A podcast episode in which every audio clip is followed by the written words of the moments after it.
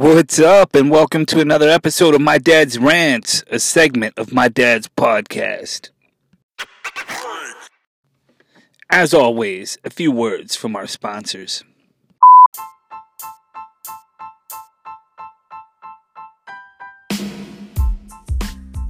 Arkansas's very own Spring River, and only river as far as I'm concerned when it comes to floating, partying, and just relaxing. The Spring River sits at a chilling 58 degrees all summer long, so you're sure to beat the heat while you're sipping on your favorite adult beverage. Be sure to check out Hardy and Mammoth Springs, two vintage towns nestled right off the Spring River just at the tail of the Ozarks. They offer antiquing, mom and pop restaurants, and redneck mentality that may be considered borderline racism. You'll have a blast staying at one of the many campgrounds that offer full services for river activities or any of their quaint hotels. Go check out the Spring River. You only live once.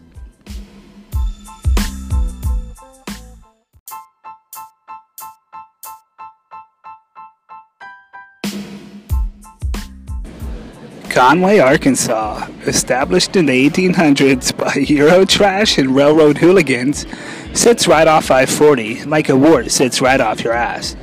Conway boasts of a vintage downtown scene with modern upgrades. You'll be sure to enjoy one of Conway's many restaurants, as most serve alcohol. I personally recommend the Wunderhaus, ja, ich liebe es. Be sure to check out all 40 of their roundabouts too.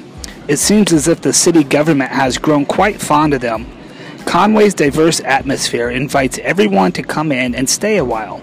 Stay too long, and you'll uncover the scandalous secret that made Conway a white flight city in the 60s and come to terms with what's called the good old boy system.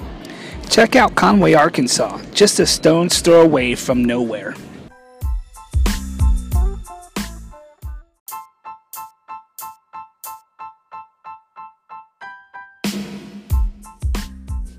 And finally, last but not least, a hiring announcement.